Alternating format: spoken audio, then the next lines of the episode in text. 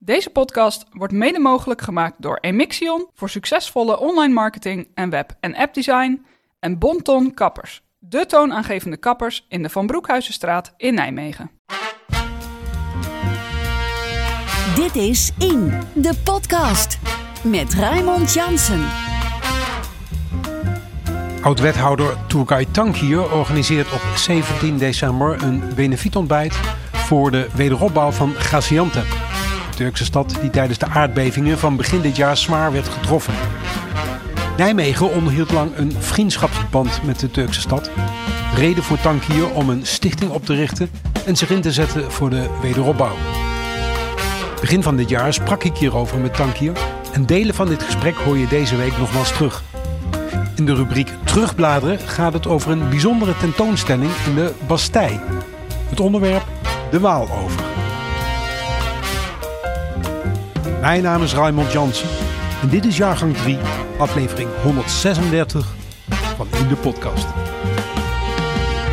Normaal praat ik aan het begin van de podcast met gasten over het lokale nieuws. Maar ik denk dat uw aandacht momenteel vooral uitgaat naar Turkije, naar uw geboorteland, het aardbevingsgebied. Laten we Syrië niet vergeten, maar ik snap dat voor u ja, Turkije vooraan in uw uh, gedachten is. Um, is alles goed met uw familie? Ja, gelukkig wel. Uh, ze hebben wel uh, zeg maar die beving wel, ook wel best gevoeld. Want ze wonen net zeg maar, tegen de grens aan waar de aardbevinggebied is. ze zijn ook s'nachts naar buiten zeg maar, gelopen. twee dagen in de auto gebracht en noem maar op. En in die stad zijn er ook barsten in huizen, maar verder zijn daar geen doden gevallen of iets nee. Wij, wij, zien natuurlijk vooral het nieuws in Nederland en op sociale media wel, wel wat beelden. Maar ik kan me voorstellen dat bij u op een andere manier ook bereikt. Ja, we hebben eerlijk gezegd eerste week bijna niet kunnen slapen. Omdat we zeg maar, te veel naar de beelden kijken. We hebben thuis zeg maar, alle Turkse zenders. En die doen 24 uur zeg maar, live uitzending van ja. dat gebied. En die ellende is zo groot. Ja, weet je. Uh, kijk, als je kijkt, ja, dat doet wat met jou. we kunnen ook niet goed slapen, zoals ik zei. Maar als we niet kijken, dan krijgen we bijna schuldgevoel. Dat ja. we een beetje onverschillig zullen zijn. Ja. En, ja, maar die, die ellende is erg groot. En over Syrië gesproken, ja, daar krijg je niet zoveel beelden van enzovoort. Maar uh, die ellende is daar natuurlijk even groot. Ja. ja. Ooit had Nijmegen een, een vriendschapsband met uh, Gaziantep. Die is verbroken om, uh, om bekende redenen. Net na die aardbevingen werd er een appel gedaan aan de Nijmeegse politiek. Hè. Kom in actie, maak ook geld over. Dat duurde even, maar uiteindelijk kwam, kwam de gemeente met een, een bijdrage van 1 euro per inwoner. 180.000 euro werd er overgemaakt op Giro 555. Hoe kijkt u naar dat soort acties? Nou, alleen maar goed natuurlijk. ik denk dat gemeentes, Nederlandse gemeenten best zeg maar een goede bijdrage hebben geleverd voor de noodhulp hè, via 555. En uh, ja, Nijmegen heeft een historie, zeg maar, recente historie met een stad in Turkije, dat is Gaziantep. Dit is door, nou ja, voor ons bekende redenen niet meer verlengd, zeg maar. En, ehm, maar desondanks hebben we natuurlijk wel met elkaar allerlei herinneringen. En ik ben namens gemeente Nijmegen drie keer geweest. En we hebben altijd daar heel hartelijk ontvangen. En die mensen waren wel echt blij dat ze ja. zeg maar, een band hadden met een Europese stad die geïnteresseerd is daar. Ja. En uh, wederom hebben wij ook de kinderen uit Gaziantep zeg maar hier ontvangen via een school hier. Dus er zijn wel activiteiten geweest. En ondanks dat formeel die band niet meer is, emotioneel zeg maar uh, die band is het uh, wel. En uh, vandaar ook een aantal mensen mij ook regelmatig hebben gevraagd... God, moeten wij ja. niet iets doen richting Gaziantep? En wat Nijmegen heeft gedaan, dat is algemeen voor het hele gebied geweest... En uh, nadat wij uh, met een aantal mensen bij elkaar zijn geweest, hebben we besloten om in ieder geval een uh, hulpprogramma te starten of een actie te starten. waar zeg maar lange of middellange termijn we zeg maar, mensen in Gaziantep kunnen helpen. Nu is dit dus natuurlijk een soort van incidentele hulp. Hè? Eén keer 180.000 euro overmaken. Ik weet dat oud-wethouder De Pla, nu burgemeester in Breda, die zei... we willen wachten en structureel hulp bieden. Hoe kijkt u naar de rol van gemeentes in het algemeen en die van Nijmegen in het bijzonder over structurele hulp aan een land als, uh, als uh, Turkije? Ja. Nou, ik denk dat het zeker uh, zeg maar heel goed zou zijn als, we de, als de gemeente of de Nederlandse gemeenten dat kunnen doen. En ik heb begrepen dat VNG zeg maar ook bezig is samen met de gemeenten Ehm, iets op touw te zetten voor ehm, eh, hulp op lange termijn. Ja. En dat Nijmegen ook daaraan mee zal doen. Maar met onze actie heb ik ook contact gehad met burgemeester Bruls. hij was ook positief over onze actie en hij heeft ook aangeboden. Ehm, mochten wij ook een of andere manier steun hebben. Ja eh, om onze doelen te bereiken, eh, dat we altijd bij de gemeente kunnen kloppen. Ja. Nou, u kent meneer Bruls natuurlijk redelijk goed, dus dat maakt het wel wat makkelijker, hè? Ja, ik ken natuurlijk nog steeds hele politiek hier. Maar goed, hij is wel de, zeg maar...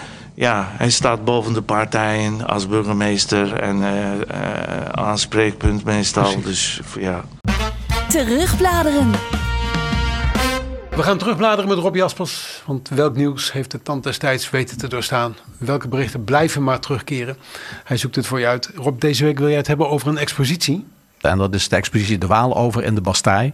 Je ziet hem eh, op veel borden in de stad staan uh, van De Waal over. En we hebben natuurlijk net de herinnering gehad. De oversteek, tien jaar uh, geopend. De Waalbrug in 1936 aangelegd. Maar De Waal over, die vertelt eigenlijk het verhaal van de betekenis van de Waal voor de stad.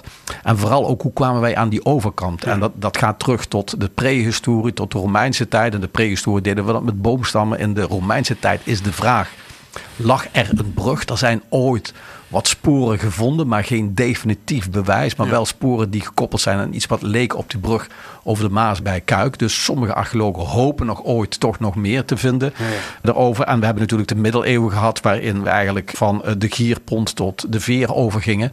Maar ik sta er ook bij stil, de Waal over. We hebben pas heel laat een brug gekregen. Hoewel de spoorbrug al 1878 of 88 daar neergelegd is. met de, Waal, de Waalbrug pas in 1936. 20 jaar discussie trouwens over van waar moet die liggen. Hij ligt aan de zijkant. Ooit dachten we leggen hem in het midden van de stad. Precies op de plek waar het veerpont voeren. Dan zou die uitgekomen zijn op de Ganzenheuvel. En dan via de Ziekerstraat omhoog. Denk je oh dat even voor. Hè? Oh ja. Tien jaar voor geknokt. Hè? Maar gelukkig hadden we slimme politici die zeiden hij komt met de zijkant. Maar toen duurde de eh, politiek soms ook al heel lang. Toen duurde de politiek ook al heel lang. Maar vooral de Waal over. Je bent dat kwijt. We hebben nu de overkant liggen. De Waalsprong. We gaan er naartoe. We gaan kijken. De nevengeul heeft vergroot. Maar de Waal over was voordat eigenlijk de oversteek er was, en zelfs toen we de Waalbrug hadden, eigenlijk helemaal geen automatisme. Om even aan te geven, dat speelt toch een rol. Nijmegen was vroeger een katholieke stad. Die viel onder het bisdom uh, Den Bosch. Maar de overkant, de beter weten we, als daar katholieken wonen, die vielen onder het bisdom Utrecht. Ah. Uh, totaal ander. En dat waren overigens ook heel veel protestanten. Dus het was een andere regio waar mensen helemaal niet zoveel contact mee, mee hadden. Uh, men ging ook niet in de Betuwe wandelen. Waar men nu wandelt de oversteken, men gaat de polder in. Uh, dat, dat deed men toen gewoon helemaal niet. En wat bijvoorbeeld ook meespeelt, dat herinner ik mezelf altijd. Toen mijn kinderen klein waren, dan praat ik over 20 jaar geleden, 22 jaar geleden. Die zaten in de voetbalcom, althans mijn zoon, die zaten in de voetbalcompetitie in de regio Nijmegen. Nou, dat speelde zich altijd af in het zuiden. En we kwamen maar één keer aan de overkant. Dat was als we naar RK Husse gingen. Kijk. Uh, en dat zegt iets over hoe die samenleving aan deze kant van de Waal, aan de overkant, van elkaar gescheiden waren. En dat zijn mensen toch kwijt hoor. Je denkt van, hé, hey, wij zijn, om zelfs aan te geven, zelfs politiek. Ik weet nog dat wethouder kunst, nou die kwam pas na, ver na de eeuwwisseling, ja, zeker. dat toen voor het eerst eigenlijk bezoeken van wethouders naar de gemeente aan de overkant georganiseerd werden. Terwijl aan de in het Rijk van Nijmegen was dat gewoon standaard. Nu, nu is de Waal natuurlijk ook een hele brede rivier. Hè? Nog niet zo lang geleden, heb ik een keer lopend de Rijn overgestoken. En dat is dan relatief een hele smalle rivier. Ja. En, en, en de Waal is natuurlijk wel, nou ik zal niet zeggen een flinke wandeling, maar dat is wel een stuk, stuk verder lopen dan... Uh, dat, dat, dat is wandeling en dat, wordt ook wel eens anders. Kijk, de, de, de oversteek, de breedte van die boog die daar is, die heeft precies de gemiddelde oversteek 268 of 264 meter is. Maar bij hoogwater, wat er nu, weer aan, wat er nu ook weer is, dan zie je die Waal verbreden. En ik moet soms vaak mensen, ik heb veel Waaltochten gedaan, dan moet je, en mensen komen van buiten het hele land, en dan moet je mensen uitleggen. Iedereen kent de Rijn en dan denken ze de Rijn is de rivier. En dan zeg ik altijd, jongens, de Waal. De Waal is, uh, ook als het gaat om vervoer, de snelweg voor de binnenvaart. En de Rijn is het fietspad voor de binnenvaart hoor. Om even aan dat verschil. Mensen weten dat niet. Ze, ze leren de Rijn. En daar is de Waal natuurlijk mee verbonden. Maar dan kennen ze die betekenis. Maar de Waal is ja, een, ja, een belangrijke vaarroute. En, en qua ja, uitstraling bij hoogwater is die Waal natuurlijk fantastisch om die beleving langs die, die oevers te doen. Tegelijkertijd, de Waal over, je tegen de Waal beschermen, was natuurlijk ook altijd essentieel. En dat komt ook in die expositie aan, aan, aan de orde van de dijken. Uh, er is bijvoorbeeld toen, de, om even aan te geven wat mensen onderschatten, toen de brug de Oversteek is gebouwd, althans toen de plannen kwamen, het is ook even een idee geweest, waarom leggen we geen tunnel onder de Waal door en die komen de van Maas en Waal omhoog? nou, dat is was een waanzinnig te gek plan. Waarom? Omdat men niets door had. Dan moet je een enorme lange tunnel maken, want de Waal is een badkuip. Stel dat er iets gebeurt met die tunnel, dan zou via die tunnel de Waal onder water lopen. Uh, om, omdat mensen die kennis niet uh, hadden, die, die met dat idee kwamen. En uh, ja, je ziet dat de Waal overgaan. Mensen vinden dat, die doen dat nu ja, dagelijks. Het aantal lopers wat je ziet langs de Nevengeul, dat is zo volstrekt normaal. Maar twintig jaar geleden, ik heb altijd aan de Waal gewerkt, twintig jaar geleden zag je er gewoon niemand uh, komen. En iets overigens wat, wat, wat vind ik ook positief, wat in die expositie aan de orde is. We hebben angst voor de klimaatverandering, wij zien het milieu achteruit gaan.